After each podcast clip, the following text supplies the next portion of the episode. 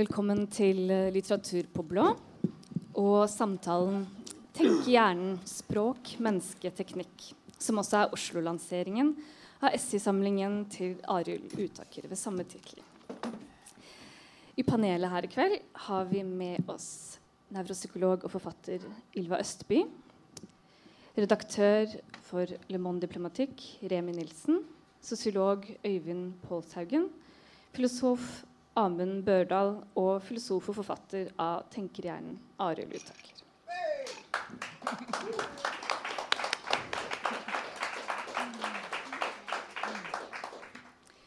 Så nå skal vi høre dette flotte panelet snakke i ca. 60 minutter. Og etterpå er det mulighet til å stille spørsmål og komme med kommentarer. I tillegg så selges boken borti der, ved døra, til en hyggelig lanseringspris. Og vi håper alle har med seg en sånn hjem når de går. God fornøyelse.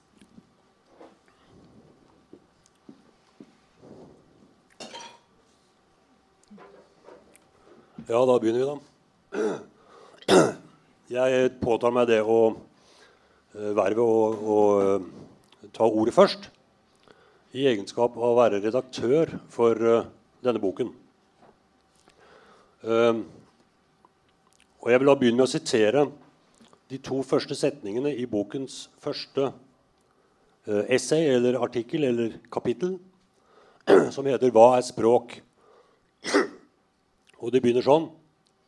Jeg skal ikke nå med en gang si hva jeg skal si. Neste setning. Det er jo heller ikke mulig. Og Det er et hovedsynspunkt eh, som løper gjennom hele denne boken. Eh, det er at Vi kan ikke på forhånd vite hva vi eh, kommer til å si. Mindre filosofisk enn det utvikles i denne boken, så er det eh, helt åpenbart tilfellet her nå. Jeg vet ikke hva disse her kommer til å si. Jeg vet heller ikke egentlig hva jeg selv kommer til å si. Men jeg gleder meg til å høre nær sagt uansett hva som blir sagt om denne boken. For som andre bøker så har det har vært et, et, forholdsvis stort arbeid å lage. Hvis jeg skulle skryte av denne boken, og det skal jeg, så vil jeg begynne med å påpeke at det er blitt en veldig pen bok. Eh, tilnærmet eh, feilfri. Eh, vakre farger, godt papir, god å holde i, en solid sak. Og det kan vi langt på vei og mye takke da forlaget for, som er Vidar-forlaget, som drives av Gunnar Totland og hans håndgangne folk. Og det vil være å gå noe for langt å si at Vidar-forlaget er Norges eneste forlag. Men en kjerne av sannhet vil det være i en sånn overgivelse. I hvert fall så er det en slående ting med den norske eh, forlagsverdenen at det er Vidar-forlaget og den type forlag som påtar seg å gi ut uh, skikkelige bøker her til lands. Slik at Platons samlede verker, Aristoteles samlede verker, etter hvert Walter Benjamins mer eller mindre samlede verker osv. Slike viktige utgivelser de overlates nordens volens i Norge til eh, hardtarbeidende ildsjeler i sånn en og en halv manns forlag av typen eh, Vidar-forlaget. Og det kan man godt eh, huske på. Eh, den innsatsen som da ligger eh, i, i, den type forlagsarbeid som Vidar-forlaget eh, holder på med. Det er sånn som nesten kunne invitere til en applaus, men vi kan jo klappe etter hvert. 'Tenker hjernen' heter denne boken. Uh, og det er jo et merkelig spørsmål. Uh, og uh, det er ikke akkurat forlaget som har funnet på tittelen, men forlaget har hatt sitt å si når vi skulle gi denne boken en, en tittel.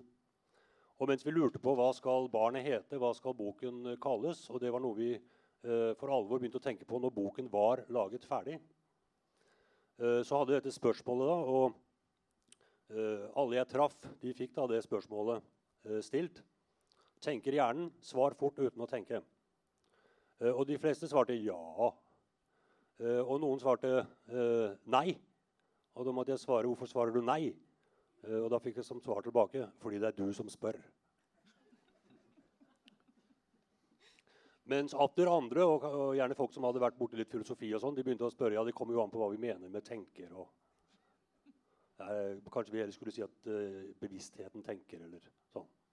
Uh, og i det siste svaret så er man da, uh, kan man si, på rett vei i retning av hva slags type spørsmål det er når det blir stilt på forsiden av denne boken som har undertittelen 'Språk, menneske, teknikk'. Uh, til vår alles, og særlig til forfatterens begeistring, Arild Utaker i midten her, så havner denne boken for tiden i bokhandlerne, ikke i avdelingen for uh, mer eller mindre bortgjemt og berømt filosofi, men i avdelingen for sånne glade selvhjelpsbøker i området for hjernens ulike Eh, aktiviteter og egenskaper. Eh, hjernen er stjernen, hjernetrening, vår utrolige hjerne osv. Og, så og så mellom stablene av slike bøker tenker hjernen? spørsmålstegn. Vi håper jo da selvfølgelig at flest mulig vil, vil, vil gå på den limpinnen som er lagt ut der.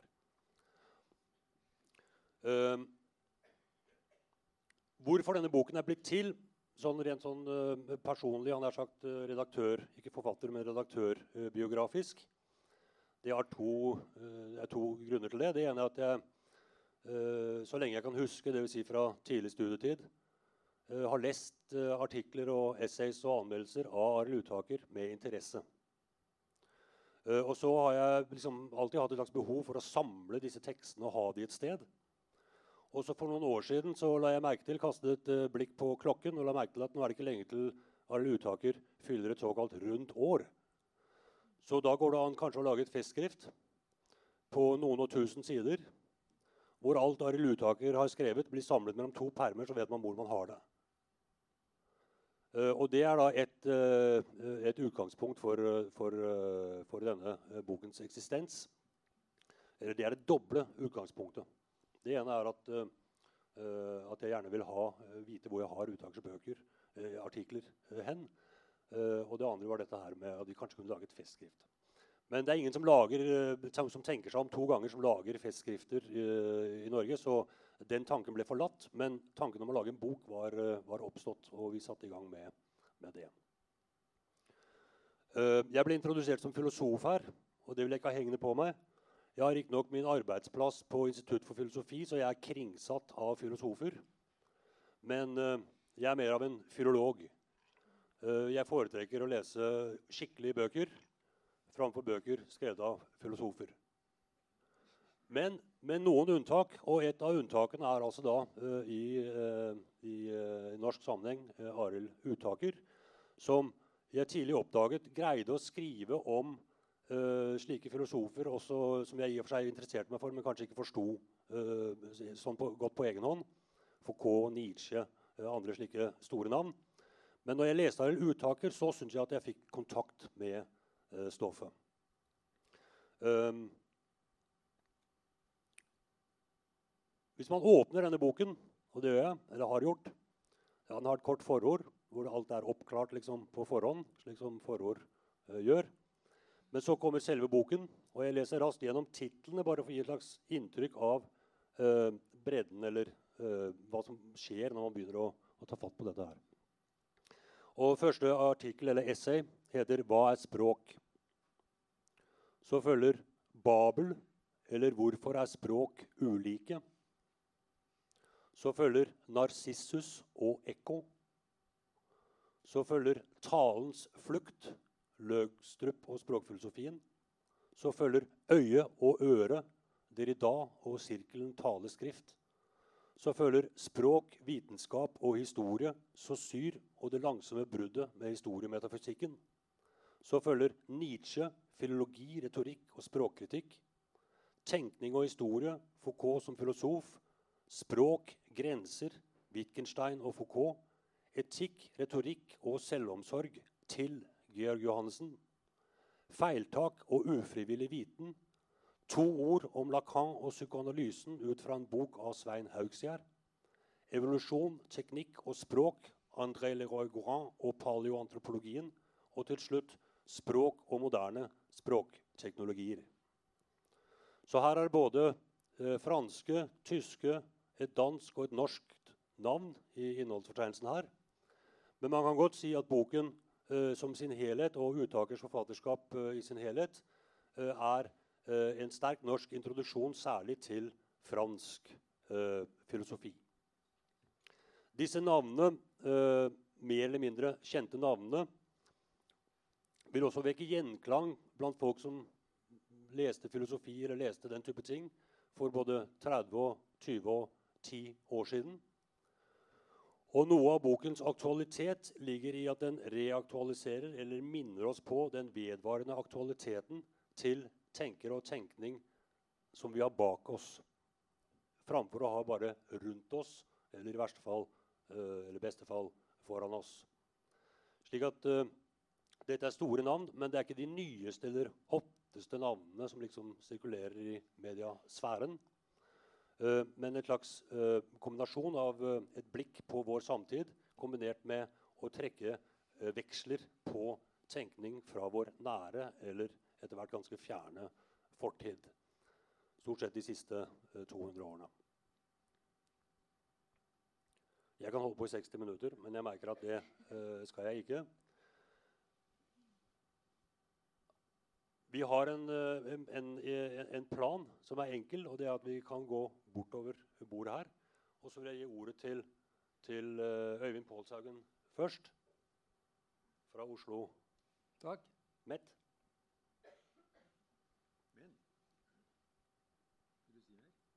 Nei, jeg tenker at jeg, at jeg har brukt opp taletiden foreløpig. Det tenkte i grunnen jeg òg. Eh, han sa at han bare skulle vise fram boka. Eh, og så tenkte jeg at da skulle jeg gjøre litt mer presentere den.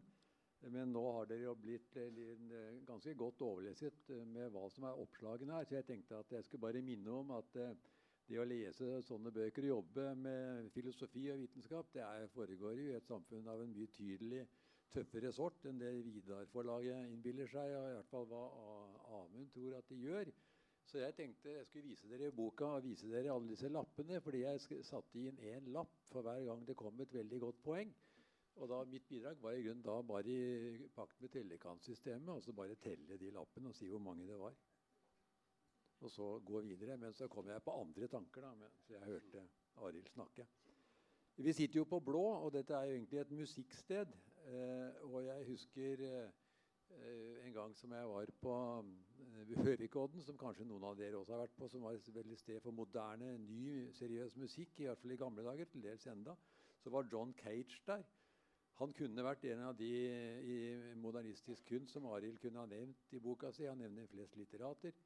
Men han har bl.a. laget et verk dere kjenner sikkert det som heter 433. Det er et verk hvor han sitter ved klaveret i 4 minutter og 33 sekunder. Og så har han også et verk som heter 'Branches'. og Det består i at han har et, et gammelt tørt tre med seg inn i lokalet. Og så slår han litt ulike sekvenser og rytmer og sånt på det treet. Og Det var siste verket før pause. Og da husker jeg, når jeg forlot salen og gikk ut på toalettet, så hørte jeg plutselig lyden av mine egne skritt bak meg. For han skapte en sånn enorm oppmerksomhet om lyden. Og hvorfor jeg kom på dette, det var i grunnen eh, Arild, eh, altså Arilds to første setninger som eh, Amund leste opp. Når du leser den boka her, så du, blir du veldig klar over at du holder på med språk. Og Det betyr også når jeg skal eh, sitte her og snakke, så hører jeg jo straks og ser altså ekko av min egen stemme helt simultant. Nå er det slik med oss intellektuelle som Roland Barth sa, at for oss intellektuelle så er jo ettertanken spontan. Så det å høre ekko når man snakker, det er for så vidt ikke noen plage dersom det skal være. Men jeg tenkte eh, allikevel at uh, siden, uh, siden Arild også trekker fram kunst, så er det en analogi mellom musikkerfaring og leseerfaring som jeg ville minne om før jeg begynner å snakke. En, da hadde nå ville Amund minnet meg på at det er for sent, gutten min. Du er allerede godt i gang. Men før jeg begynner å snakke om boka, så skulle jeg bare trekke fram det. Eh, og Da skal jeg sitere en annen eh, forfatter, en musikkprofessor som heter Stålevik Saaland, som jo gikk hen for et par år siden. Han eh, ga ut en bok som het 'Fortolkningens århundre' for et par år siden. Og han åpner slik. Musikkerfaringen er som drømmen. Straks vi gjenforteller den, gjør, selv, gjør selve fortellingen den til noe annet, til noe nytt. Det må nødvendigvis være slik, for som Ståle skriver, drømmen eksisterer aldri ren annet enn når vi drømmer, slik den klingende musikken bare er idet den klinger. Og Sånn er det faktisk også å lese denne boka. Det som skjer når du leser, den erkjennelsen du gjør, de erfaringene de gjør, de skjer der og da i løpet av den tiden du leser. Og det gjenforteller den etterpå, det er en helt annen diskurs. Det er et opplagt poeng, og det er ikke et problem i seg selv. Men det som er problemet når du skal åpne munnen og fortelle noe om erfaringer fra denne boken, det er at da kommer en annen type ekko. Da trenger alle samtidens filosofiske diskurser om språk og om andre fenomener de trenger seg på med ready-mades, altså setninger som faller deg i munnen, og som ødelegger og forflater og banaliserer både det Arild har sagt, og det du selv hadde tenkt å si. Derfor har jeg skrevet en bok som jeg skal lese fra. Nei, det er et manus. John Cage han eh, studerte hos Arnold Schönberg, eh, komponisten. og Arnold Schönberg han eh, var også en ivrig, ivrig amatørmaler. Eh, og han sa, har lagd vet du, Malere det er sånn som Og komponister de har det til felles med Amund at de later som de hater filosofer. Men de driver ikke stort med annet enn å filosofere selv. De bare bruker andre uttrykksmidler. Og Arnold Schönberg han sa man malt nicht, nei, nei, man malt das Gild skal oversette til tysk 'Man malt das Bild, nicht das gemalte'. Og Det er en påminnelse som er veldig grei å bli minnet om at man maler bildet, og ikke det som blir malt. Og Så kort og pregnant kan det da sies på tysk når det handler om maleri, men det kan også sies mer direkte og mer allment da, at ord og ting ikke er identiske. Eller, som jeg ofte har sagt og skrevet, språk og virkelighet er ikke identiske. Og Hvis man sier det slik som jeg sa det, at språk og virkelighet ikke er identiske, da låter det mer som vitenskap og som en allmenngyldig sannhet. Og Hvis jeg hadde vært ute etter å banke fast det poenget, så kunne jeg stadig uttrykt meg sånn. Men i så fall så ville jeg bedra meg selv og for så vidt dere med, for den måten å si det på, den er ganske bedragersk. Det vet jeg da, fordi jeg har jo brukt den flere ganger og kommet opp i problemer. Men nå, etter at jeg har lest boka til Arild, så har jeg liksom endelig skjønt hvorfor det ikke er smart å formulere seg på denne måten. Og Arild han eh, bruker uttrykket 'villedende' om sånne formuleringer.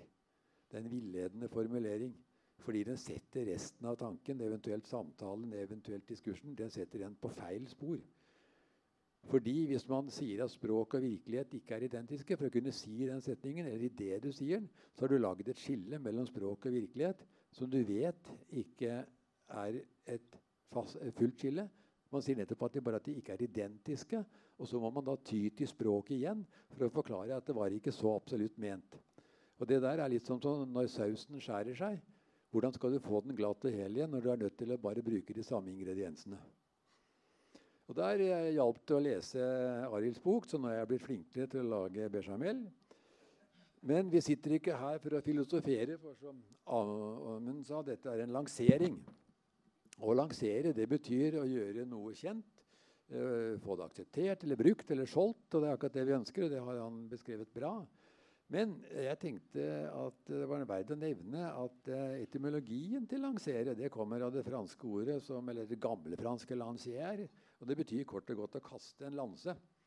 Og det er det Arild har gjort uh, i grunn med denne boken sin. her. Han har kastet en lanse fordi at Eh, vi håper jo at boka blir kjøpt, eh, og også at den blir brukt. Men om det blir akseptert, det er et mer åpent spørsmål. Fordi utrolig mye av det som står i denne boka, her, det bryter mot den rådende tankegangen om de emner som den behandler. Både innen vitenskapssamfunnet og i samfunnet for øvrig. Så det er dobbelt bra å dette, kalle dette en lansering, selv om det kanskje mer altså, eh, må jo si at Arilds skrivestil er så sober, så vi kan ikke si at denne boka representerer et lansestøt. Det er, det er stort sett kordestøt. Og Det gjennomgående aspektet eh, som det handler om, det har dere hørt, det er språk. Og det Bokens tittel den, eh, den, er sånn sett eh, så treffende som den kan være når den på en måte skal demonstrere hva språket kan eh, brukes til.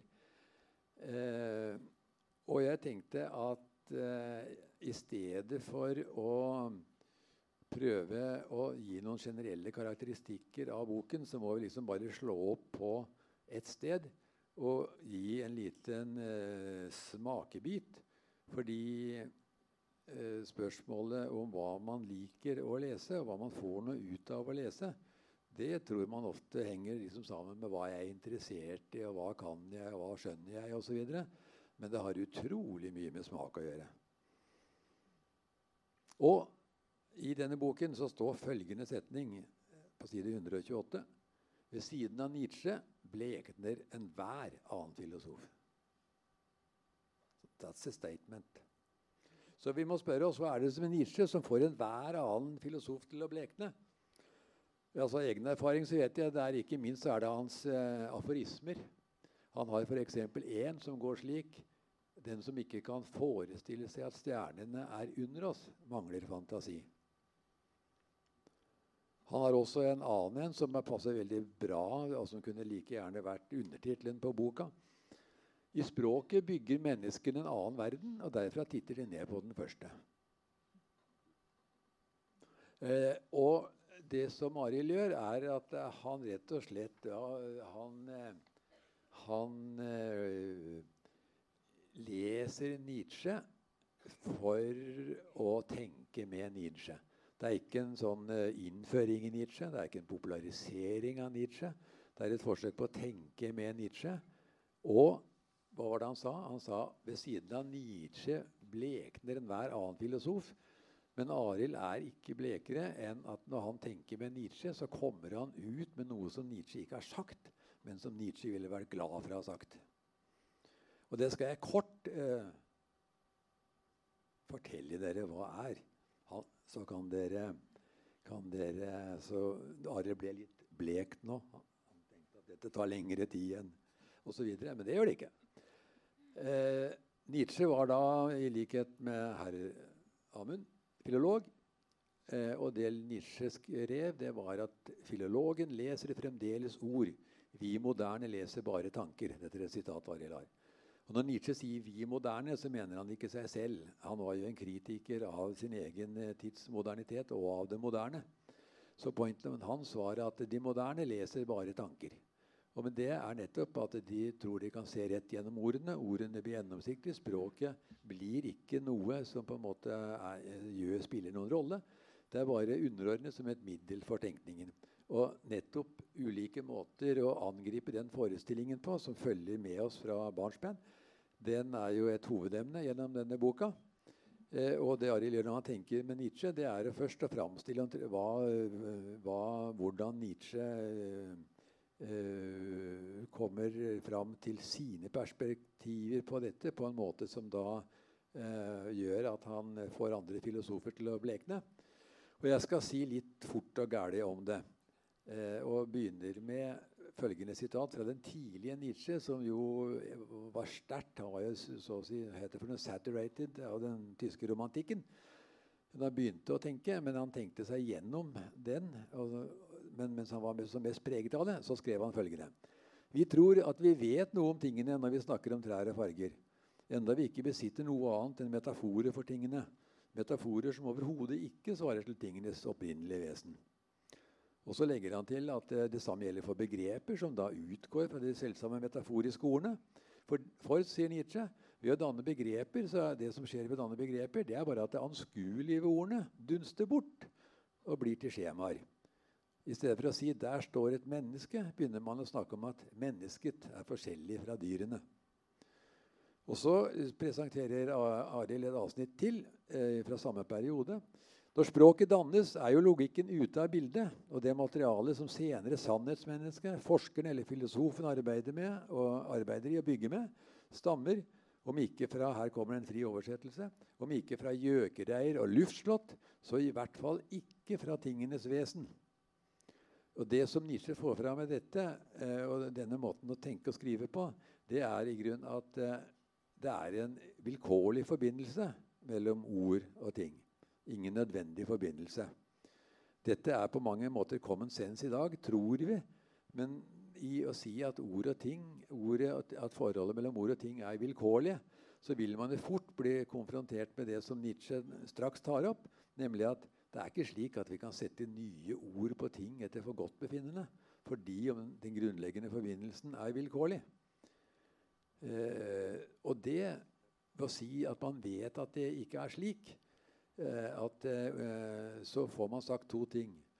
Det ene er at eh, det er ikke ord og begreper som uttrykker det vesentlige eller noen sannhet ved det som det er et ord for eller et begrep for.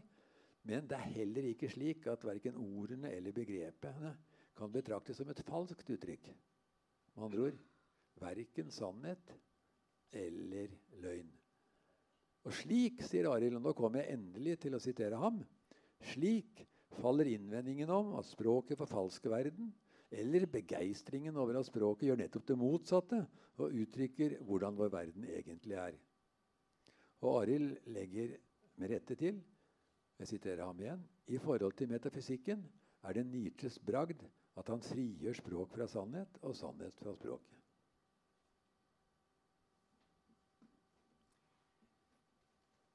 Det var et bra sitat du kom med der. Jeg er en slags ordfører, jeg, da. Så jeg hopper over deg, eh, Arild. Fint. Ja. Og gir ordet til Ylva. Ja. Uh, jeg må bare si tusen takk for at jeg ble invitert uh, til denne lanseringen. Uh, for jeg er jo ikke filosof. Jeg er jo bare en stakkars psykolog og hjerneforsker. Så jeg, eh, jeg kan jo ikke så mye om disse, disse ordentlige viktige tingene som dere filosofer holder på med. Eh, og derfor så er det også så spennende å lese nettopp en sånn bok og bare føle at synapsene mine endrer seg og som permanent blir endret som følge av at jeg leser denne boka og at jeg lærer ting. Og ja, jeg føler at jeg tenker, da.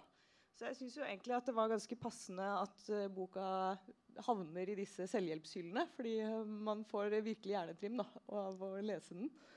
Uh, så det anbefaler jeg. Og som, eh, som, empiriker, da, som jeg er eh, på en måte belastet med å være, så kan jeg i hverdagen min slippe jeg å forholde meg til eh, alle disse dype spørsmålene så veldig mye. Men jeg merket meg særlig det var ett essay her som jeg syntes bare var kjempespennende. Eh, og det heter 'Evolusjon, teknikk og språk'. Og handler om, handler om filosofen André Leroy-Goran. Paleon skal se om jeg klarer å lese dette her, da. Paleoantropologi. Og jeg brukte litt tid på å vri hjernen min rundt det han sier, og det du sier om ham. Eh, og som, eh, som, det var sagt her, mye av det du skriver, måte er litt i opposisjon til hvordan vi gjerne tenker om ting. Og i dette essayet så følte jeg at her fikk evolusjonspsykologien eh, kjørt seg skikkelig sånn kjølhaling. Vil du si deg enig i det, Arild? Presist. Ja. For i evolusjonspsykologien så er vi vant med å på en måte, ja, vi, vi postulerer at uh, måten hjernen vår fungerer på, da, uten å si at den tenker, eller for å gå inn på det spørsmålet, men altså, måten hjernen vår er bygget opp på, og hvordan den fungerer, eh, er nødt til å være berørt av og formet av evolusjon. Og så kommer da, og da vet vi jo, vet jo alle dere her hvordan evolusjonen da eh, øyensynlig fungerer. Ved at eh, egenskaper som er forbundet med økt sannsynlighet for overlevelse og reproduksjon, er de som i, har større sannsynlighet for å bli videreført til neste generasjon. Og at dette gjennom millioner av år har eh, ført til da vi som sitter her i denne salen. Topp, toppen av evolusjonen da, for, for, vår del. På den annen side så er jo evolusjonen er jo ikke en villet prosess. Så en brunsnegle er også på toppen av evolusjonen da, sin, eh, som sin art. Um, og evolusjonspsykologer er jo, vi er jo veldig glad i å på en måte eh, postulere da at psykologiske egenskaper som f.eks. språk, musikk, hukommelse eh, osv. er eh, og sosial, eh, altså sosial kognisjon osv. er eh, egenskaper som på en måte henger sammen med hvordan hjernen vår fungerer, som igjen henger sammen med hvordan evolusjonen har virket på den. og så er det da denne filosofen André Leroy Goran som eh, Ja. Han er ikke filosof. Nei, han er ikke filosof. Ja, Bra du korrigerer det. Han er ikke filosof. Hva vil du kalle han egentlig? Uh, arkeolog, paleontolog Arkeolog. Ja, paleontolog. Ja. Ehm, han var jo da opptatt av å forstå hvordan menneskene har utviklet seg på bakgrunn av bl.a. knokler som man har funnet. Og eh, på en måte se denne helheten i hvordan hominidene har utviklet seg eh, fra australopithecus bl.a. og utover. Eh, og han sier noe som Og da følte jeg at jeg ble litt sånn Jeg merket at jeg ble litt provosert, egentlig. Eh, når han sier at eh, det er ikke funksjonene som driver evolusjonen. Og kan du forklare det litt Kan du hjelpe meg å forstå hva han mener? Jeg kan godt prøve kort. eh, eh, For å forstå det må du se på hans skille mellom organer og funksjoner. Altså hjernen er et organ. Å snakke eller å tenke det er en funksjon. Og hans poeng er at Darwin kan ikke gjøre rede for veksten av hjernen. Veksten av hjernen er knyttet til en kropp som forandrer seg, altså over tre millioner år, kan vi si. Og eh, den veksten var direkte unyttig fordi eh, at denne store hjernen da var for stor for dette pattedyret. Dvs. Si, det, det tok jo en 20% av energien. Slik at nytten til hjernen knyttet til funksjonene kom etter at hjernen var utviklet.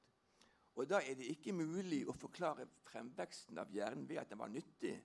Slik at hele poenget er at Darwin tok feil. Men vi stritter veldig imot å innrømme at Darwin tar feil.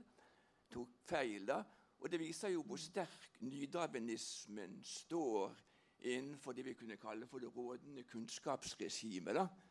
Eh, altså individualisme, der er individer. eh, Utilitarisme, det, det er noe som er nyttig. Og det er jo da en tankegang som eh, står eh, svakt empirisk, men dessverre sterkt teoretisk. Men Slik at alle de nye eh, funnene i paleontologien vil jo da bli sett bort fra. Men så evolusjonen fremmer individualisme? Nei, nei, Nei. tvert imot. Tvert imot. Altså, individualisme er et premiss hos Darwin. Dette var jo før man skjønte at mennesket var avhengig av bakterier og relasjoner og økologi kom inn på bordet. Altså, det er, det er Darwins måte å kopiere det økonomiske mennesket på. At det er enkeltindivider som da kjemper om knappe ressurser osv. Men i dag så har vi jo eh, fjernet oss fra et, et slikt syn på evolusjonen. Nå er det jo nettopp det at vi er sosiale, som er på en måte en av, et av, et av de grunnleggende menneskelige trekkene som nettopp henger sammen med språk og med vår evne til å, eh, til å samarbeide i store samfunn eh, osv. Jo, men man har allikevel problem med å eh, tenke det spesifikke ved mennesket til forskjell fra andre dyr. Vi er litt mer sosiale enn andre dyr. Vi kan ha litt mer problemer i ekteskap enn andre dyr, osv.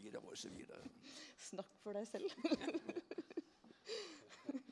men, eh, men altså dette med altså, ja, Akkurat hva, hva som skiller menneskene fra dyrene, det er jo, det er jo en kjempediskusjon og veldig veldig interessant. Nettopp fordi altså, Vi har jo språk, da. Vi har jo nettopp dette som vi nå har snakket så mye om. Dette med å kunne eh, sette ord på ting da, som dyr ikke har på den samme måten som oss. Eh, men samtidig så er det det er funksjoner i menneske og dyr som vi, vi må tenke oss at det er en eller annen slags kontinuitet da, mellom dyr og mennesker. Eh, fordi hvis ikke så havner vi på en måte på et sted hvor vi ikke kan tro at vi er biologiske vesener heller. Skal vi fortsette å krangle, eller hva? Ja, altså det er jo, Man kan jo gå inn mange steder i denne boken. Vi krangler ikke. så holde, Nei, nei, bare-. Ja. Men Nei, jeg synes bare er en veldig kort setning. Ja. En kort setning. Poenget til Leroy Goran er at, er at særtrekket ved mennesket er biologisk. Altså vi er tobeinte. Vi har en hjerne som er altfor stor. Altså det, er, det er en fransk hjernebiolog som sier det at vår hjerne i forhold til vår kroppsvekt er ca. 900 kubikkmeter for stor relativt til de store aper. Mm. Så den biologiske forskjellen mellom aper og, og mennesker er klar. Rent biologisk. Og det skulle man jo tro at henger sammen med også litt altså Det korrelerer i hvert fall med hva vi bruker hjernen vår til, som er forskjellig. Men det er jo ikke bare størrelsen som er forskjellig mellom mennesker og aper. Nei, hele kroppen er forskjellig. altså Tåen er forskjellig, og tommeltotten er forskjellig, og ja. tungen er forskjellig. og og, jo, og da kommer, jo, kommer, han, kommer, du inn på dette med, dette med som også står i, uh, i titlen, undertittelen på boka, dette med eh, teknikk. Uh, og det er jo en veldig spennende både kobling da, mellom språk og teknikk, menneske og hjerne, og hvor dette med at Altså Det at vi kan bruke hendene på en bestemt måte, gjør at vi kan på en måte sette ut funksjoner. Eh, og det at vi kan snakke, gjør også at vi kan sette ut tankene våre. Er det, Forstår jeg det riktig da? Ja. Og, og, at, og her er jeg veldig enig med, eh, med den godeste paleoantropologen. at vi har denne evnen til å sette ut hukommelsen vår også. Og at vi deler på minnene våre. At vi er ikke avhengig av å sitte der med våre egne opplevelser inni oss. Eh, men at vi kan eh, dele på kunnskap, ikke minst. Men så er det på et eller annet vis så, så det at vi er teknologiske vesener, er på en måte også biologisk. Og det syns jeg er en veldig spennende eh, tanke. Og særlig i disse teknologiske tider i dag. Hvordan skal vi forstå denne sammenhengen nå? Ja, Lera Gora har jo en teori eh, om den. Nemlig at de teknikkene som tidligere var knyttet til kroppen, blir nå frisatt fra kroppen, blir utvendiggjort, og det blir maskiner. Slik at det vi før måtte bruke hender og hode til, kan nå eh, bli tatt vare på av, intellekt, av intelligente maskiner, f.eks. Og det ser han som et eh, virkelig problem. Fordi at vår virkelighet er knyttet til vår kroppslighet. Og hvis vi setter så å si utenfor oss det vår kropp tidligere gjorde, så er ikke det det at robotene tar makten over oss, men det er det at vi skaper en enorm avmakt i oss sjøl som innebærer at vi mister kontakt med virkeligheten. Ja, ja det, er, det, høres jo veldig dramatisk ut. Uh, ja, men det er jo dramatisk. Ja. det er jo mulig at vi under tidens tyranni her uh, skal gi ordet til uh, Remi. Jeg tenkte jeg kunne gå litt videre på det. Altså det ja. Eh, det siste essayet som du avslutter boken med, er jo nettopp om språkteknologi, som peker framover fra Nietzsche og mot i dag til, til sammenkoblingen mellom, altså den, eh, mellom, kalkylen og språket. Når, når, språkteknologien går såpass langt at den begynner å utfordre. Eh, det er noe som henger her, som går på Leroy Goran òg. Eh, verden mister så å si sin håndgripelighet. er en av de Eh, siste setningene som kommer. Via den nye teknologien der, der uh, hånden ikke lenger er til stede. Men samtidig så er det noe med nye teknologien er jo, altså Taktiliteten er jo veldig viktig. Eh, det er på en måte et begrep som mangler her, og det er grensesnittet. Altså Måten vi forholder oss til ny teknologi på, er jo nettopp via et nytt grensesnitt. Vi er aktive på en annen måte inn i teknologien enn en den rene eh, en arke som, eh, som, mottaker eller avsender. eller noe sånt. Altså, det er en taktilitet inni her som fordrer kanskje ny tenkning via hva er et grensesnitt. Eh, det, Narsissus er jo en sånn figur som går igjen i hele boken, som er jo veldig interessant ved at den speiler Skjermteknologien òg har noe narsistisk ved seg, men òg en aktivitet som går utover den eh, rent narsissistiske. Eh, på fransk eller på, på, engelsk så heter jo grensesnittet jo interface eller interface, hvis man vil se det på den måten. Og nettopp det at det er et ansikt inni der som det er noe som, er, som vi interagerer med, som er interessant, som kanskje er en type altså Grensesnittet som en type metafor som kan få oss til å tenke videre. Hvor går språkteknologien hen? Dette skrev jo Leragora sånn på begynnelsen av 60-tallet. Så det var mye ting som ikke kom inn der. Men jeg tror ikke at tanken om grensesnitt uh, vil ugyldiggjøre hovedpoenget hans. For én uh, ting er at vi forholder oss til skjermer og bruker fingrene våre når vi skal telefonere eller uh, leke med dataene våre. Eh, problemet er heller at Og da kommer det inn noe du ikke nevnte i det siste kapittelet. Det er jo at det skjer noe med det symbolske med altså språket som noe symbolsk, grammatisk. Fordi at grensesnitt, eh, slik du fremstiller det, kan godt tenkes som at vi forholder oss til ekko av ord.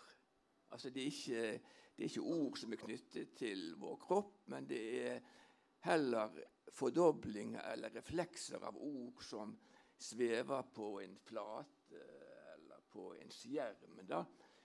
Slik at selv om grensesnittet kan være en innvending, så vil jeg si at tanken om at vi får roboter som mer og mer tar seg av oppgaver vi før måtte bruke kroppene våre til, den står uavhengig av grensesnittet.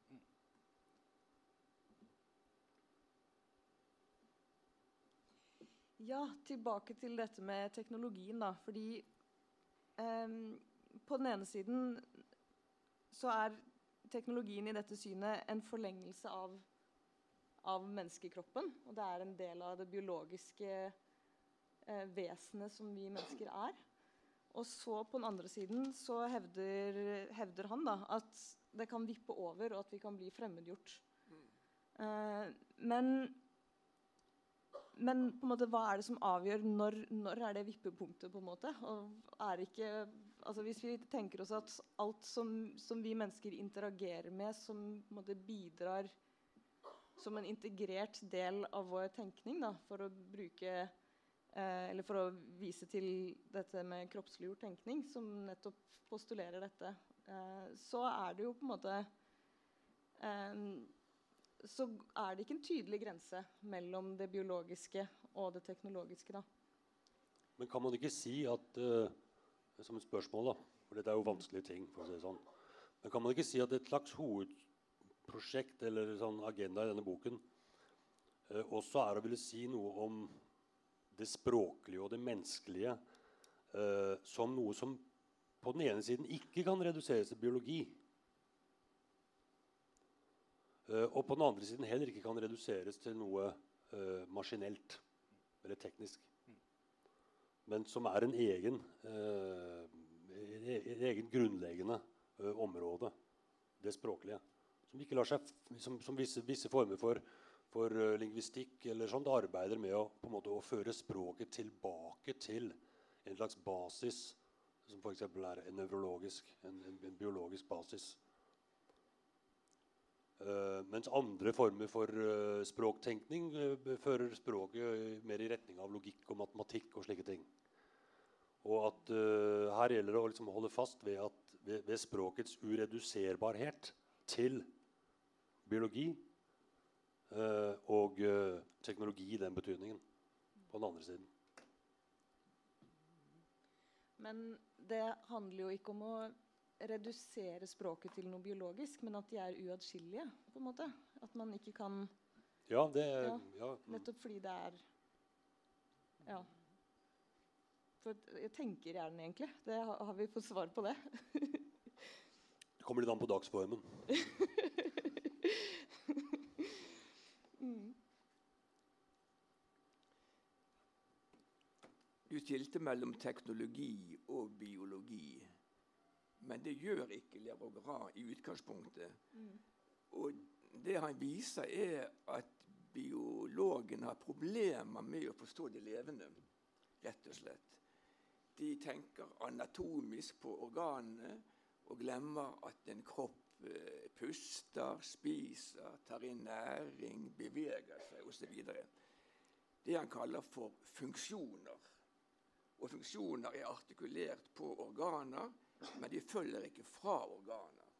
Slik at innvendingen er i grunnen at eh, biologene på en måte tenker ikke tilstrekkelig det levende som noe særegent.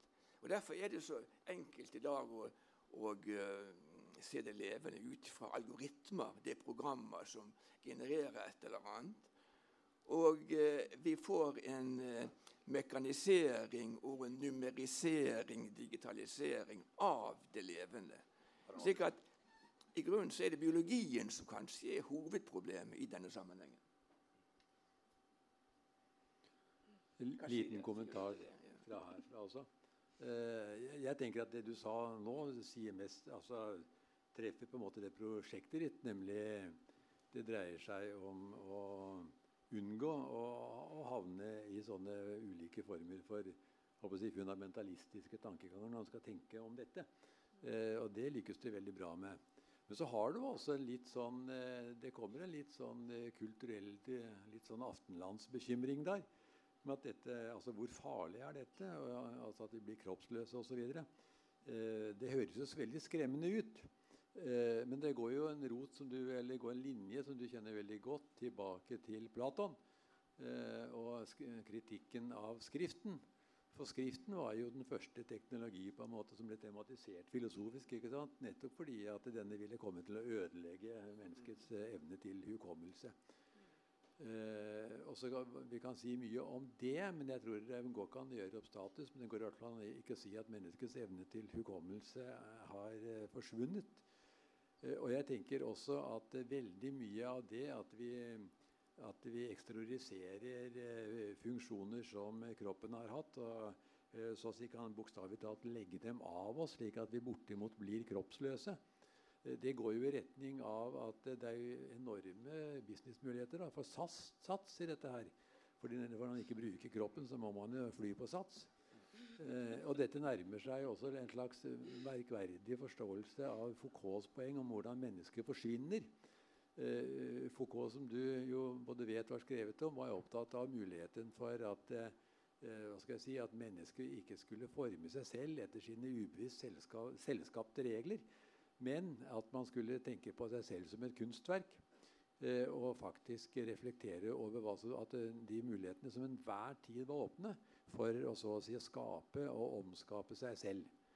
Eh, og det, I det perspektivet så ligger på en måte eh, forskjell mellom Platon og Foucault i at eh, Foucault var ikke så redd for det perspektivet at det mennesket som vi kjenner det, skulle forsvinne. Men på den annen side så tror jeg ikke, selv om Foucault var veldig i nærheten av å ende opp på samme måten selv, så tror jeg ikke han hadde sett for seg i hvilken grad Eh, det at mennesket skal skape seg selv som et kunstverk, til de grader skulle komme til å ligne på um, sovjetrussisk realisme. Eh, ja.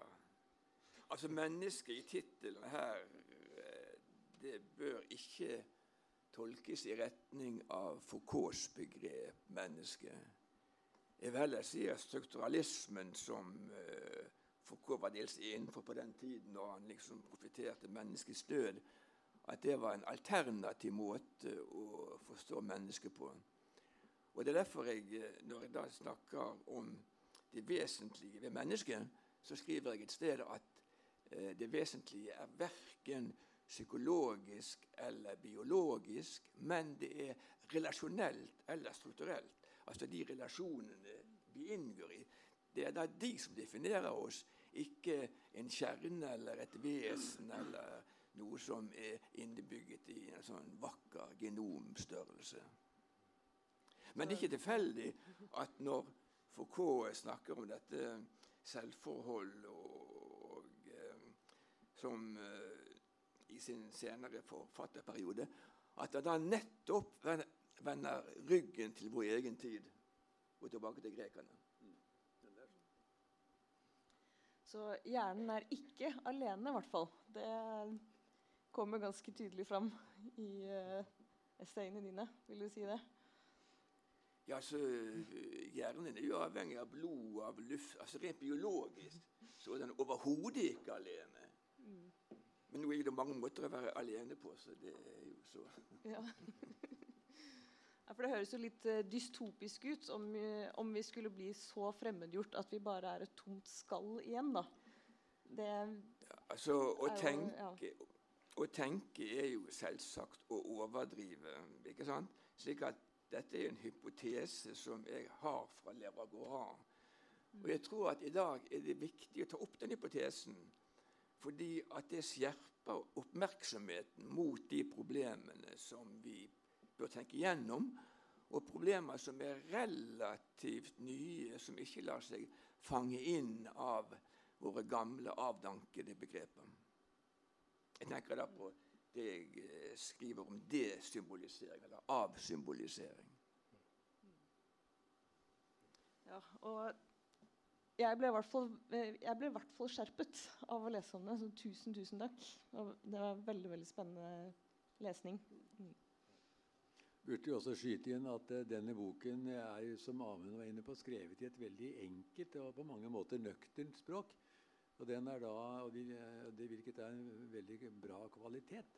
Og Da er det morsomt å tenke på at den eh, er skrevet av en forfatter som med den største selvfølgelighet eh, uttaler den sannheten at å tenke er å overdrive. Hver gang han sier 'som Amund sa', så sikter han til et eller annet jeg sa der inne før vi begynte, tror jeg. Ja. uh, og Der kunne jeg nevne også, eller gjenta at, uh, at uh, denne boken har hatt arbeidstitler. Så uttakers samlede forfatterskap det er tilgjengelig på mitt kontor i en, uh, i en uh, hylle der og i en mappe. og den mappen heter 'Ørets filosofi', som var et slags første utkast til tittel. og som er et uttak, uttakeruttrykk brukt i en eller annen artikkel om Wittgenstein. 'Ørets filosofi'. og det å forsøke å tenke språket ut fra øret snarere enn ut fra munnen eller hodet for å få fram uh, det at språket er uh, en mottakelse og ikke bare en, en utsendelse. Altså Det er et poeng som, som er helt enkelt, men på en måte grunnleggende. Det er at Når jeg nå snakker, så bruker jeg språket. Men dere bruker like mye språket, dere som hører. og veldig mye tenkning omkring språk griper straks etter disse ordene som kommer ut av munnen Eh, som modell for hva eh, det er som skjer når språket er i bruk, snarere enn en, en øre som det mottakende eh, organet. Og det er et poeng som, som i denne boken ikke minst knyttes til, til Ferdinand Saussures uh, lingvistikk. Hvor altså man forsøker å tenke noe om språket ved å legge vekt på språket som lyd og uh, mottakelighet uh, og resonans og slike ting. på et tidspunkt så het boken hånden og øret. For da var denne, dette med teknikk og gorang og sånn også uh, i fokus for vår oppmerksomhet. Og så var det en elegant allusjon der til en bok av Merleau-Ponty som heter 'Øyet og ånden'. Men på forlaget mente de, og vel da med rette, at dette ble noe uh, internt. Men, uh, men, det ligger en slags tematikk i det da, at, at man, å tenke språket lagt ut i hånden og i øret snarere kanskje enn i tanken og den talende munn. Hvor liksom det mentale kommer ut av, eh, blir uttrykt av en, av en talende munn, et talende subjekt. Det å henlede oppmerksomheten på øret, det lyttende øret og den gripende hånden er også en måte å få fram språkets uh, sosialitet eller samfunnsmessighet eller uh, kollektivitet eller Kjært barn har mange navn. Uh, det er også en sånn ting som foregår i denne boken. Og Det er sånne innsikter som man godt kan oppsummere som sånne slagord eller konklusjoner eller gå med på. Men, uh, men, det spennende er jo her at man blir holdt, holdt fast også i, i, uh, i uh, utfordringen med faktisk virkelig å Og ikke bare lære seg slike formuleringer, men faktisk å tenke over hva det betyr. Hva betyr det at språket er et sosialt fenomen? En ting er å høre det og kunne gjenta det man har hørt, og sånn, men, men, å forstå hva som ligger i det. Jeg kan kanskje spørre hva betyr det at språket er sosialt? Ja, det må du jo si. jeg har ikke så mye å si, vet du. Okay. Men uh, uh, Nei, altså Hvis jeg skulle si noe, så er det jo det, altså, det som er med nettopp algoritmen. Altså Hvis du ser på nyere teknologi, så er jo det at den nyere teknologien den, den er jo ikke så mye roboten som, som en teknologi som går inn på språkets domene og prøver å på en måte overta domenet. Altså, du har stordata, dataanalyser, som alt, som alt i alt er jo språkanalyse det meste, for å finne typer avvik, mønster eller noe som helst som på en måte reduserer språket bort fra den sosiale Eller den reduserer det til et fastlagt mønster. Eh, noen av de mest groteske eksemplene er jo, er amerikansk dronekrig, der de har det såkalt signature strikes, der de bare ser på avvik fra en eller annen type definert norm, eh, definert av eh, både filologer og samfunnsforskere som jobber for eh, Forsvaret, til å finne ut hva som er normen. Og så analyserer de både atferd og eh, på sosiale medier, som er jo språklig atferd, eh, der du har på en måte en der, der, du reduserer den sosiale biten en, på en veldig skummel måte,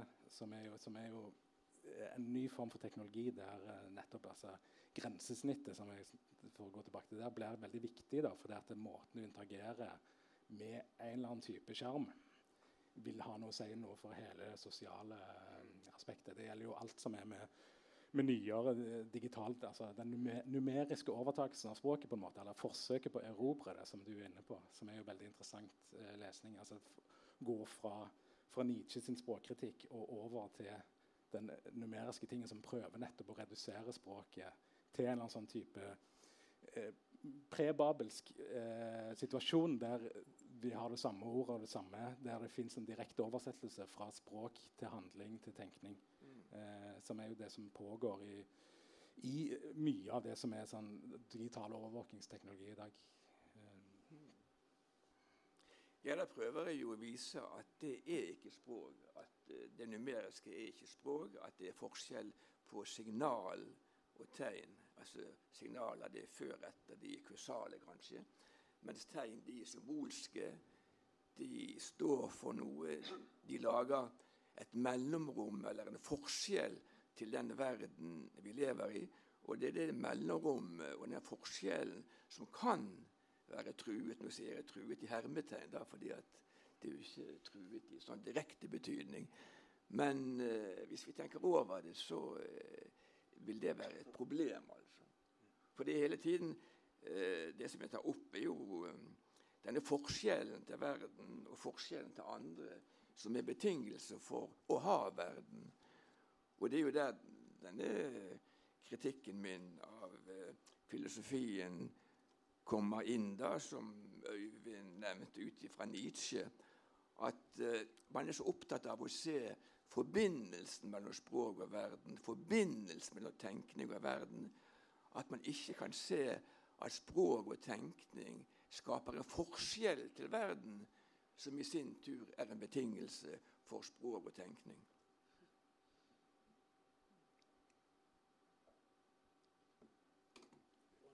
Som, som, i dag rett og slett kan bli en slags politisk handling da, å understreke den I høyeste grad, ja, som, som er viktigere ja, ja. noensinne å understreke at, eh, at forskjellen i gjentakelsen i, i enhver språkhandling er, har noe å si, og at muligheten for å ta feil, muligheten for å være dum, muligheten for at du ikke klarer å formulere det du skal formulere, som er et, et veldig sentralt poeng i, uh, i denne boken, er jo nettopp at vansken ved å kunne ved å snakke, vansken ved å formulere seg, vansken ved å utlegge det du kanskje har eh, tenkt, eller det som tenker gjennom deg. Jeg kan jo eh, sitere de to siste setningene. Det er litt i forlengelse av det Amund sa. Der skriver jeg Uh, nei, jeg, skriver, jeg siterer bare den siste. Kunsten å lytte er også kunsten å tie.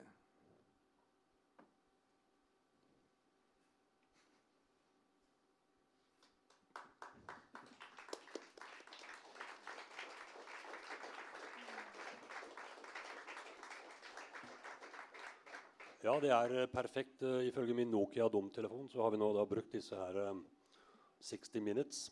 Men vi har også fått vite at vi kan holde på så lenge vi ønsker. Eller i hvert fall gå litt over tida.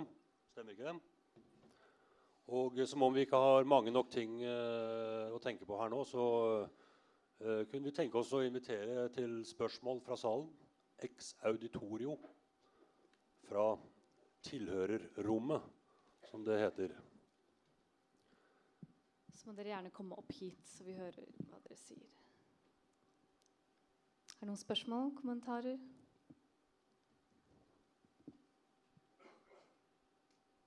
Du er ikke så ledig at du kan gå ned, med andre ord? Jo, men gjerne rekke opp hånden hvis noen har noe dere tenker på. Nei Ingen som lurte på noe? Nei, men man må gi det litt tid. Kunne vi ta en øl først, eller kunne du Ja, kan jo det. Ta en liten, liten pause. Så får vi litt ja. ja. Vi tar en uh, liten timinutters pause. Og så kan dere tenke litt på det dere eventuelt lurte på. Og så fortsetter vi diskusjonen litt. Grann, ja. ja. For det er jo litt løse tråder her som vi godt kan spinne videre på.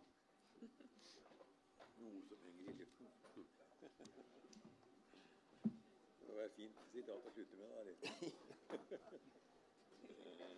Bortimot perfekt.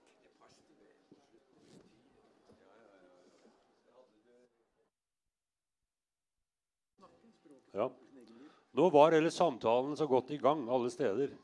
Eh, også her oppe her, men eh, vi åpner for en sånn mer inkluderende felles eh, samtale. Pluss det viktigste av alt, kanskje, eh, å få fram, det er at eh, denne boken er til salgs.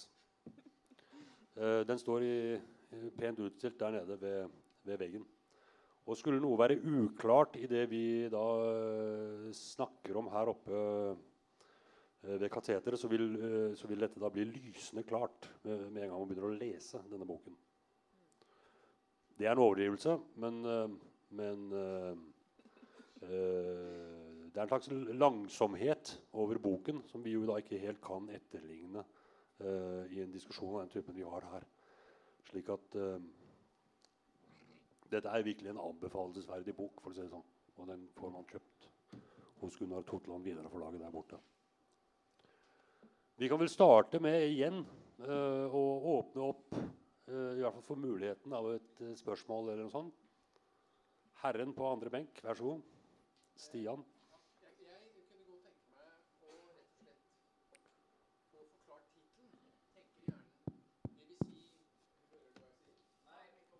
Du kan godt ta, ta en mikrofon her. Og eventuelt stille deg med, med ryggen til oss. Ja. ja. jeg kunne veldig gjerne tenke meg å få forklart tittelen. 'Tenker hjernen', eller hvordan man skal omgås den type spørsmål. Uh, unngå dem eller omgå dem. Og uh, forholdet da mellom uh, Tenker hjernen, tenker kroppen, tenker hånden for en smed, eller beinet for en fotballspiller med andre ord tenker Hvordan tanke er i forhold til grunnlaget for tenkning. Med andre ord problemet med reduktivisme eller reduksjonisme. At du reduserer til Altså f.eks. at jeg kunne ikke ha tenkt dette uten å stå i sko osv. Eh, fristelsen til å finne en fundamental, fundamentalistisk grunn under andre fenomener. At, som Wittgenstein sier, 'This is really this' om en drøm som eh, Freud skriver om, en vakker drøm. At denne drømmen egentlig har en stygg motivasjon.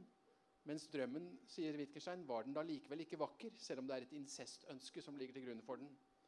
Eh, sagt på en annen måte Når vi snakker om at te hjernen tenker, hva er subjekt i det spørsmålet? Jeg kan godt tenke meg kanskje å svare. Jeg tror at vi må forskyve oss til spørsmålet om hvorledes tenker vi? For hva definerte filosofi som tankens kritiske arbeid på seg sjøl. Slik at det viktige er jo den kreativiteten som er innebygget i vår tenkning. Hvis vi derimot sier at tenkning følger fra, dvs. Si, den følger fra økonomiske forhold, den følger fra driftsmessige forhold, den følger fra cerebrale forhold osv., så, så, videre, så er vi straks innenfor det som man kaller for en reduksjonisme. Og eh, det vil da frata vår tenkning enhver kritisk kraft. Altså Hvis tenkningen er determinert eller bestemt ut fra fysiologi eller prosesser, så har vi tapt. Da er det ingen, er det ingen plass for kritikk lenger. Slik at spørsmålet 'tenker hjernen' bør da kunne lede til spørsmål to. Hva vil det si å tenke? Hva tenker vi når vi tenker? Og det er klart det at Vi er jo fanget av forestillinger. Og det å tenke kritisk eller filosofisk er jo å undersøke de forestillingene vi tenker ved hjelp av. En forestilling som vi kanskje tenker ved hjelp av, det er jo en forestilling om at jo, jo, det er hjernen som tenker. Det er ikke meg. Og da kommer inn subjektet. da, fordi at i dag har jo i populære tidsskrifter og bøker så har jo kanskje hjernen avløst jeg eller subjektet. Det er ikke det at jeg liker å løpe. Nei, nei, hjernen min har godt av at jeg løper. Altså alt da eh, blir forskjøvet til at det er noe gunstig for hjernen. Og det er jo rett og slett en dårlig tenkning. Men altså, tenkning er viktig. Og det betyr at skal tenkningen være kritisk, så kan den ikke i, i utgangspunktet være bestemt av noe som ikke er tenkning. For å si det litt sånn dogmatisk, da. Jeg tenkte jeg bare skulle supplere, ikke til akkurat å svare på det spørsmålet du stilte, men til Arilds svar. Eh, som en generell kommentar til hele boka for øvrig også, og, det, og, og, måten han skriver på. Og det er at Arild er alltid in medias res. Altså, det uttrykket som dere vet, det kjenner kommer fra Horats kommentar til eh, de antikke tragediene. Eh, når man er in medias res, så er man midt i forestillingen. Man er midt i det. Eh, Hegels uttrykk var det berømte altså på norsk 'alltid allerede'. Det er alltid slik at vi allerede er inne i det vi prøver å spørre om, eller hva vi begynner å problematisere. Vi er alltid innenfor horisonten, så å si, og ikke bare horisonten, vi er innenfor materien. Derfor in medias res. Og Det er veldig fascinerende å se hvordan Arilds hvert eneste av disse ganske forskjelligartede innholdsmessige essayene de er alle sammen skrevet in medias res.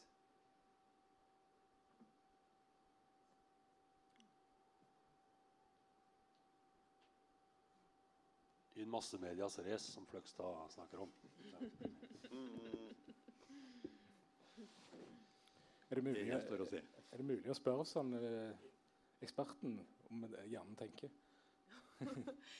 Vel, altså Jeg syns jo at det er veldig interessant dette med altså dette dualismeproblemet. Som jeg føler at vi, vi, kommer aldri unna det. Det er på en måte eh, Alle som prøver eh, det, ja, Jeg blir ikke overbevist av eh, eh verken den ene eller den andre forsøket på å komme utenom dualismeproblemet. Altså så ja, all, tenk all tenkning har nevrale korrelater. Eh, alt som vi opplever, og som vi sier, og som vi hører og kjenner med kroppen og gjør med kroppen, det har også eh, nevrale korrelater foregår samtidig i hjernen vår.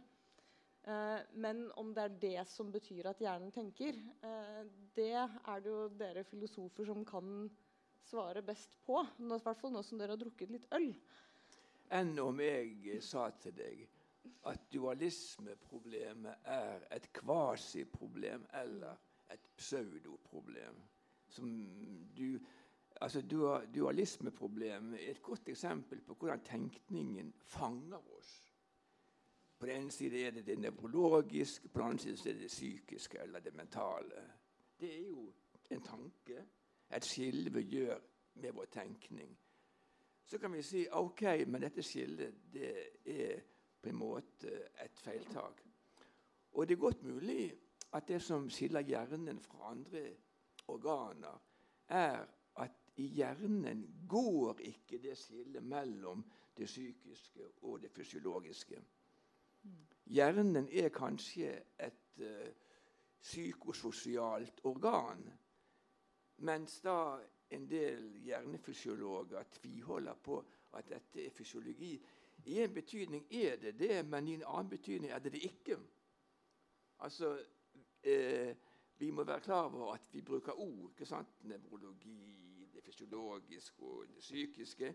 Og eh, det som er veldig ok med kroppene våre, med hjernene våre, det er jo det at de gir pokker i våre språklige og tankemessige distinksjoner. Vi liksom eh, spreller på en en teorioverflate og makter ikke å gå inn på mer grunnleggende problemer. Bl.a. pga. det pseudoproblemet som er gitt ved skillet mellom eh, ja, Hva sier man? Man snakker om eh, man snakker om mind and body og brain og det ene med det andre. You name it. Men eh, kanskje det spennende med hjernen er at hjernen opphever de forskjellene, de dualismene, vi tar for gitt. Ja, nettopp. Det er det jeg også tenker. da. At uh, Ja, tenker, ha. Eh, hjernen min tenker, ja, osv. Men, men når du snakket i stad, så hørtes det jo ut som at du ville at vi skulle tenke at språket frigjør oss fra hjernen og fra det biologiske, og for å unngå dette med reduksjonisme. Og da ble jeg jo litt i stuss. Men er ikke det også en dualisme? Altså, da får Ari lov å svare. Eh, fordi han, eh, det du spør om, og det, det blir forledet av hva han nettopp sa Han er jo en nøktern mann, men etter en halv øl så er han ikke så nøktern, så da begynner han å kalle dualismen for et kvasi- eller pseudoproblem. Det, det stinker av øl. For som han selv sa, altså hjernen på en måte nekter å godta disse dualismene. Det er et godt poeng. Men som Ariel godt vet, det er mulig at hjernen tenker eller ikke tenker, men det er én ting hjernen gjør, og den snakker ikke. Så uansett hvordan hjernen på en måte pukker på vår dualisme, så får den ikke sagt noe om det. Og Det er derfor Arild har skrevet boken. For denne boken den er jo nettopp en påminnelse om at dualismer er ikke et kvasi- eller pseudoproblem. Det er et problem som er sementert i språket vårt, så det må også gode språkfilosofer til for å løse opp den sementeringen. Men jeg vet ikke om språkfilosofene klarer å løse problemet for en nevrokirurg som står foran en hjerne og skal pirke i den og skal prøve å unngå å lamme pasienten f.eks. Eller prøve å unngå at pasienten får afasi f.eks. Det veldig pragmatiske, reelle problemer hvor altså Det er jo et, i praksis et eh, helt åpenbart forhold mellom Det er ingen teori som ja. kan oppheve dømmekraften. Men det du, det du, sier der, det vil jeg ta som tegn på at det jeg sa i sted, er riktig. fordi at man kan jo i dag med moderne hjernekirurgi altså åpne opp og gå inn med sonde i hjernen og så be pasienten om å si et tall eller en lyd for mm. å undersøke om man, om man, kan gå inn der eller ikke. Ja, ikke en berømt mm. bok da, som kom Mm, ut for to-tre år siden i Frankrike, heter 'L'erreur de Brocca'. Broccas feiltak.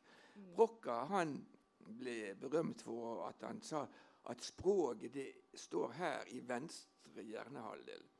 Denne hjernekirurgen fant ut at det var tøv. Eh, han hadde da fjernet 150 svulster i denne venstre hjernehalvdelen. Samtidig hadde før svulsten utviklet seg, da hadde språket forflyttet seg mm. til andre deler av hjernen. Slik at uh, fleksibiliteten er jo da òg et tegn på at dette organet er ganske spesifikt. Og det som er spennende i dag, er jo at moderne hjernefysiologi vil ganske sikkert gjøre slutt på våre fordommer om hva som foregår inni inn denne eh, svarte boksen. Det skal også sies at altså jeg har jobbet med epilepsipasienter som skal gjennom hjernekirurgi. Og da er det jo nettopp det eh, kirurgen er opptatt av. Kan vi operere denne delen av hjernen? Vil det føre til at pasienten får språkvansker? Og når det er en svulst, så er det, da er det veldig tydelig at da er det, da er det vevet som er der, det fungerer ikke. Eh, så når pasienten snakker, så er det ganske åpenbart at da er det ikke eh, språkområdet rammet. Ja. Eh, men i, uh, når det gjelder epilepsi, så er det mye mer vagt. Der kan man risikere at funksjonen er opprettholdt i det området som er rammet av epilepsi. Sånn at når man opererer, så kan pasienten eh, miste språkevnen. Da. Så Derfor er det nettopp viktig å kartlegge det. Men en kollega av meg i Tyskland apropos dette med fleksibilitet, han oppdaget at noen av de kvinnelige pasientene hans, når han testet hvor i hjernen språket deres var lokalisert, eh, så varierte det faktisk eh, ut fra menstruasjonssyklusen deres. Sånn at I en del av syklusen så hadde de språk på venstre side, og i en annen del av syklusen hadde de språk på høyre side. Det var jo en likevekt. Uh, Ja. og da er det jo ikke altså, det, kan, det sier jo noe om at, at altså, jo, vi har en slags form for lokalisasjon, men det er ikke en absolutt lokalisasjon. Og det er et, ofte et samarbeid mellom flere deler av hjernen som er i virksomhet. Og at denne, eh, dette samarbeidet kan være ekstra fleksibelt eh, hos noen. da. Mm. Men, det, men det endrer jo ikke det at det fortsatt er Altså uten hjerne, ingen språk, på en måte. Nei. Det er klart. det er er men klart. selve ordet språk uh, forandrer jo mening her Mm. hele tiden. Mm. For at uh, Uh, uten hjerne, ingen språk, og, uten, og så kan man diskutere om det kan lokaliseres eller ikke. noe sånt her. Mm. Men hvis man bare hadde hatt denne og denne lokaliseringen, så ville man jo ikke hatt språk i en annen betydning av språk. Det gjelder også omvendt. Uten språk, ingen hjerne. Altså, før språket kom, så var det ingen som visste, snakket om hjernen. Visste at de hadde en hjerne. Men det er mange mennesker som har hjerne, men som ikke har språk. Ja, nå, ja. Jeg bare syns det er litt diskriminerende, liksom. Jo, jo, jo. Altså, Vi har jo gått tre millioner igjennom her, ikke sant? så vi må. Jo, men det må du gjerne si, eh, Øyvind. Men jeg, altså, jeg vil si det altså, Tilbake til dualismen. Ja. Så er språket det beste eksempel på det feilaktige ved dualismen. Fordi at et ord vi hører eller sier, det er både et uttrykk og et innhold. Det er et sånt poeng jeg har kjøpt, jeg har kjørt ut fra som syr i undervisningen min i 50 år, eller kanskje det er 30, jeg vet ikke helt. Men, men, men eh, altså, språket er da eksempel på det som faller utenfor den tradisjonelle dualismen. Så derfor, Det er derfor det er uholdbart å snakke om språk på den ene side om eh, noe fysisk eller bråk i luft eller tegn på et papir, og så en mening som det er korrelert til. Det er i utgangspunktet en enhet av uttrykk og innhold, av noe materielt hørbart, noe som vi kan kalle for en sansemessig materialitet knyttet til eh, lyden. Og, det, og, og, og denne lyden har samtidig mening. Godtar vi det, så godtar vi at det er noe ureduserbart ved språket. Det kan ikke reduseres verken til noe rent materielt eller til noe rent psykisk. Det er altså eksempel på at som fenomen så er språket en kritikk av denne dualismen. Som regel hvis man trekker inn empiri, så er, ikke, er empirien er ikke banal. Men det er veldig fort gjort å bli banal når man trekker inn empiri. Men nå må jeg gjøre akkurat det, fordi i den såkalte pausen så snakket jeg med en dame som jobber med barn som har språkvansker av ulik art. Og hun, Nå har jeg selvsagt glemt navnet på den sykdommen, men hun fortalte meg at det finnes altså, en sjelden sykdom hvor barn oppfatter lyder akkurat sånn som lyden er, men det er ingen sjanse til å omsette den lyden til språk. Mm. Er det bekrefter eller Ja, ja. eller er det irrelevant i forhold til ditt poeng? Det bekrefter det. Gjør det. Ja. Fint. Jeg skjønner ikke helt hvordan, men Jo, fordi, fordi at da vil dette barnet være avstengt fra å knytte lyden til innhold, rett og slett. Men mener du at det barnet da ikke kan tenke? Det hun sa, var 'Hvordan tenker det barnet?' Det er et interessant Mhm. spørsmål. Og så finnes det da noen av disse lærer seg faktisk å skrive.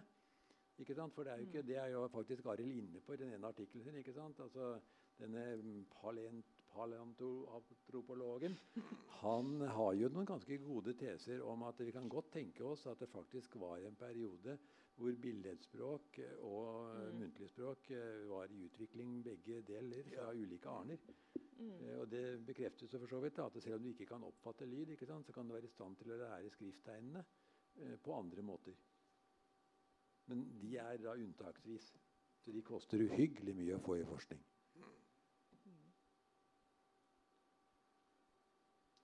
Ja, nei, altså, jeg har jo tro på at det er tenkning også uten språk. selvfølgelig. Det, for meg er det utenkelig jo, da, å tenke på, på tenkning ikke, uten språk også. Jeg skal ikke være uenig i det. det, det.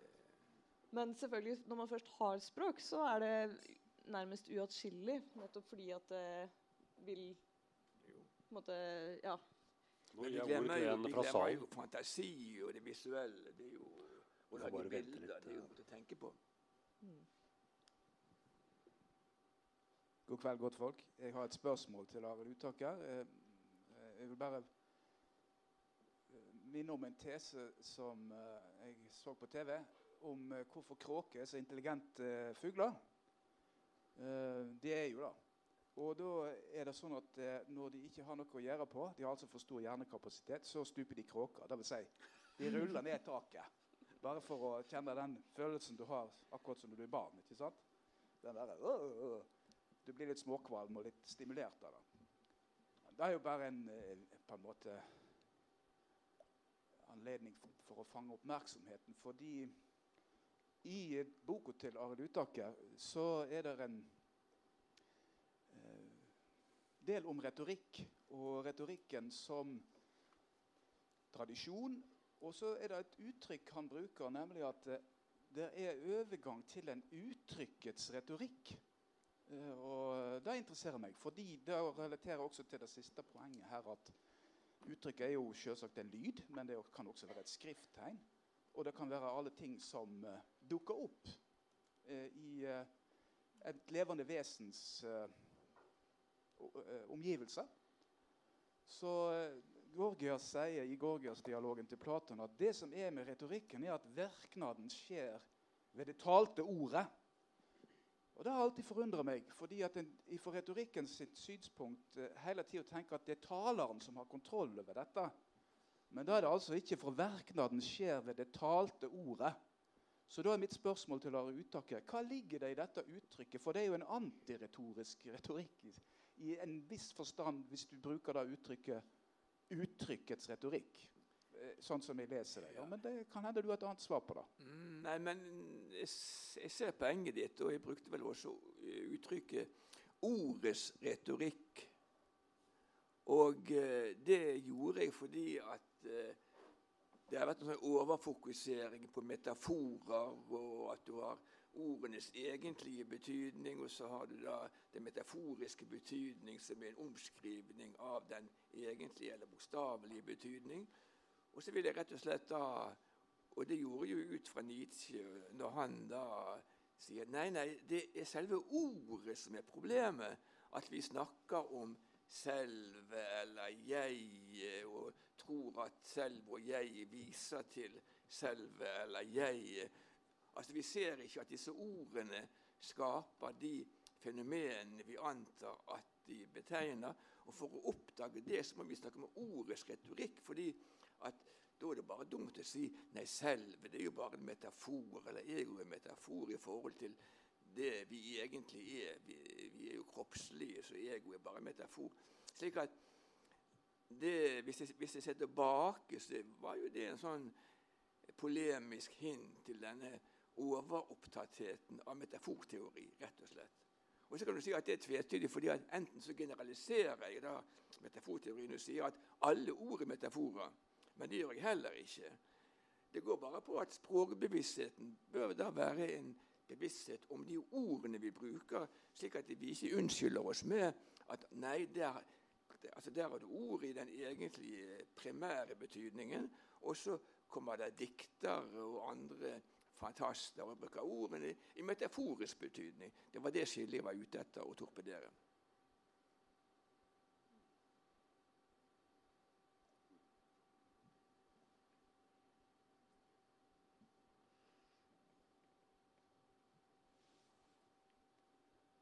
du mobiliserer jo i, uh, i denne boken et begrep om dualitet.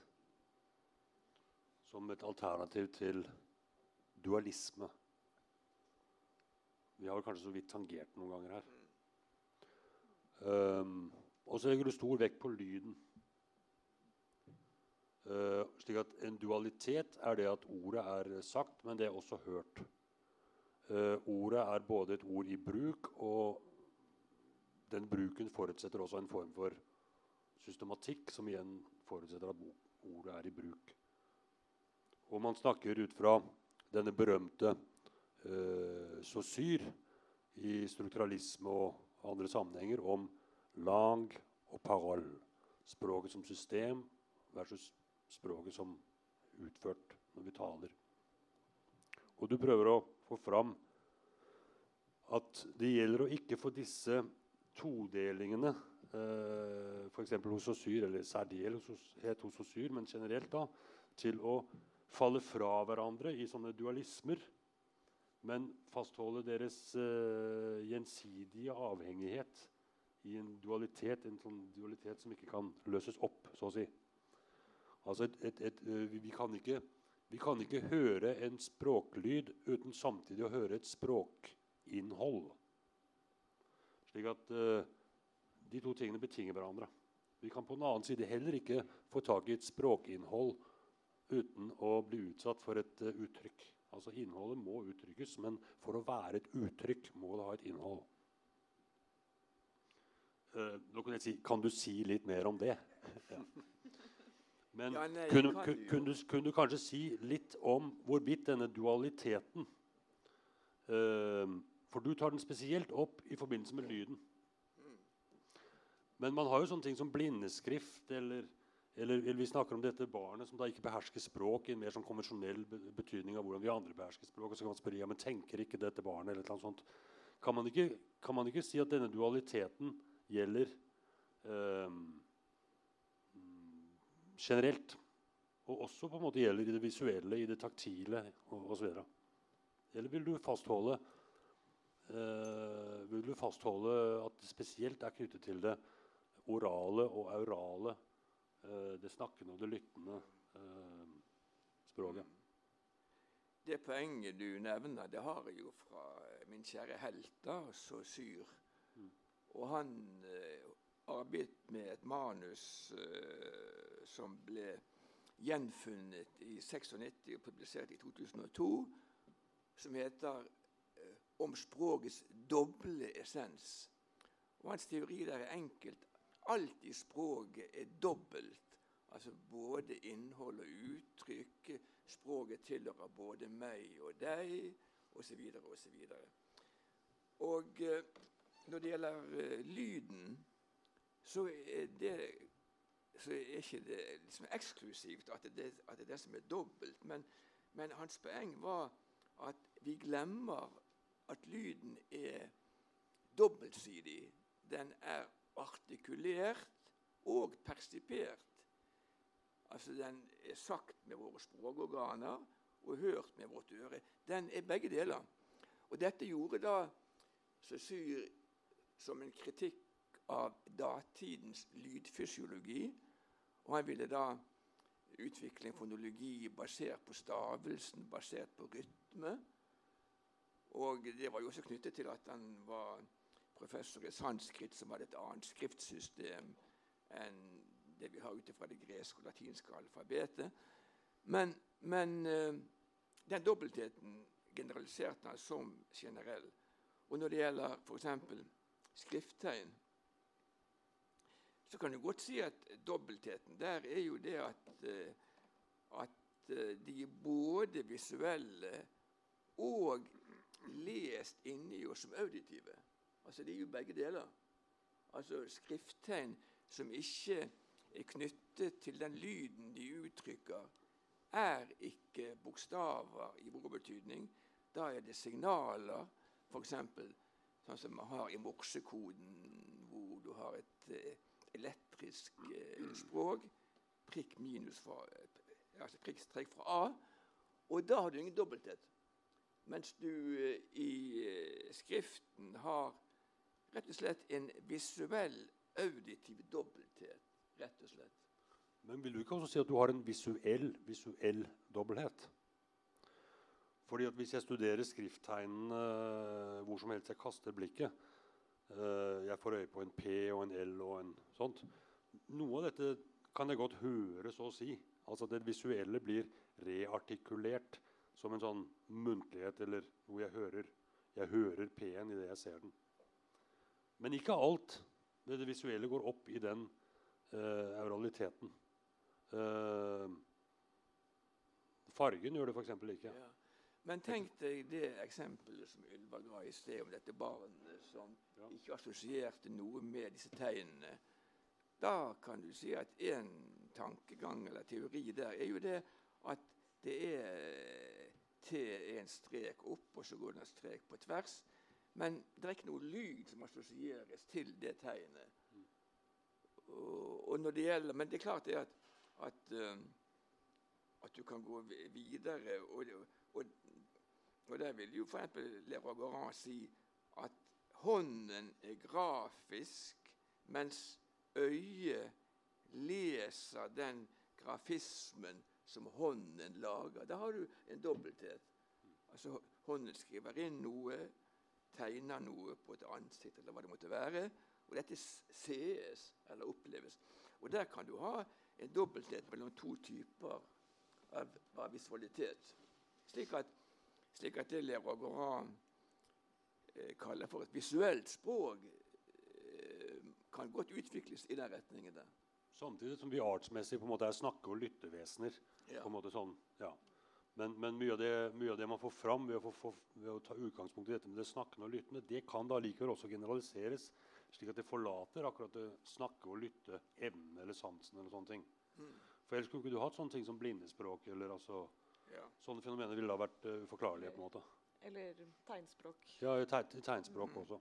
Vi er nå nesten ja. over i seminaret. Spørsmål fra, før, før, du, før, du, kommer opp, så jeg bare en avsluttende ja. kommentar til deg. For jeg kritiserte jo Arild i stad for å ikke kunne bruke ord kvasi og pseudo.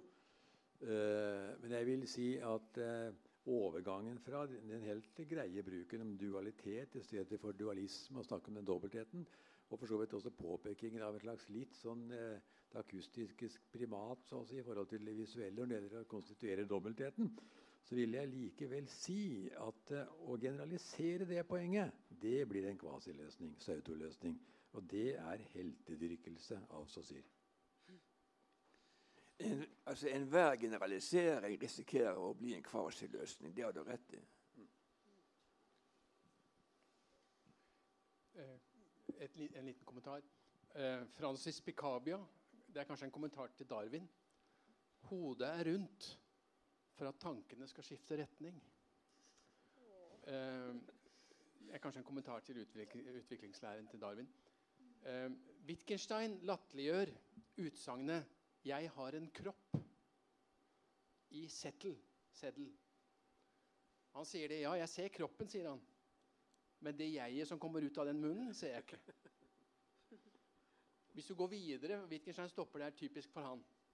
Hvis du går videre og sier ja, jeg har en kropp, det er, det er allerede en metafysisk setning i dagligspråket. Jeg sier jeg har, kropp, jeg har en kropp.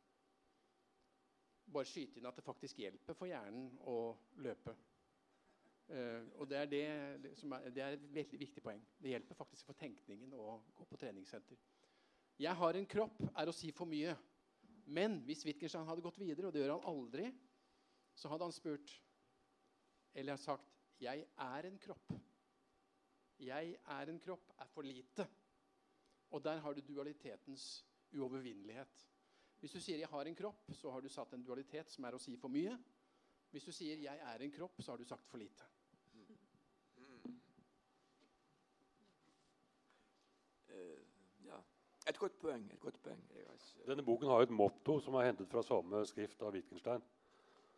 Og det lyder uh, en av de filosofisk sett farligste ideene er, merkverdigvis, at vi tenker med hodet eller i hodet.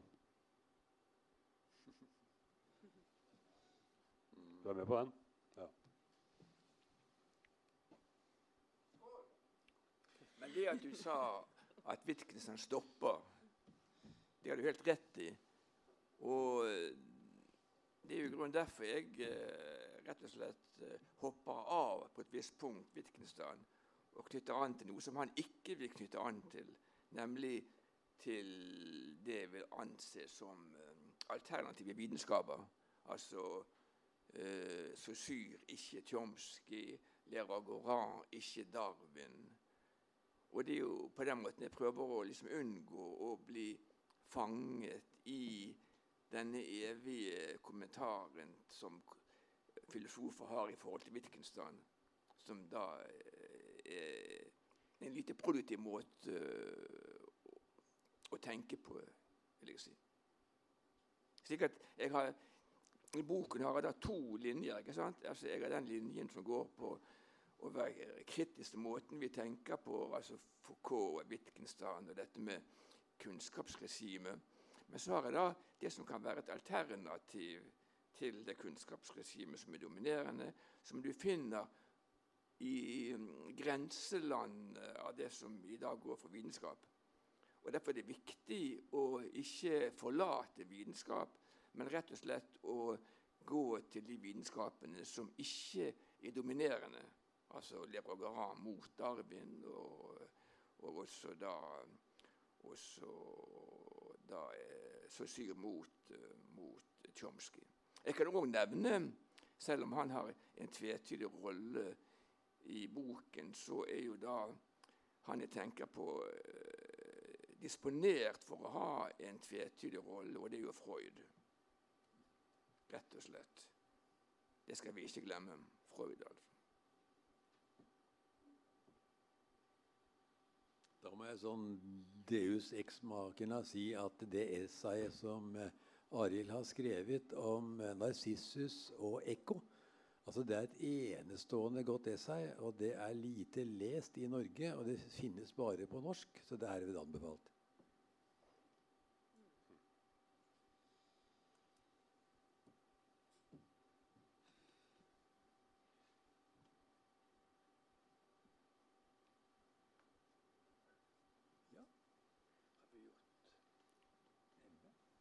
Jeg vet ikke hvor eh, Jeg, jeg, jeg synes det er eh, Jeg tenker så det knaker, men uh, når man har den følelsen, så er det ofte tegn på det motsatte.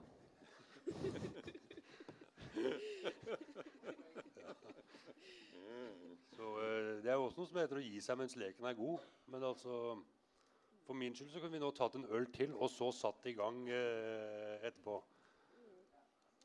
For dette er jo om ikke akkurat utømmelige spørsmål, så i hvert fall tungt tømmelige. Men det kan også være vi skal sette en sånn stiplet uh, linje nå. I denne omgang. Ja. Det kan vi gjøre ved å klappe.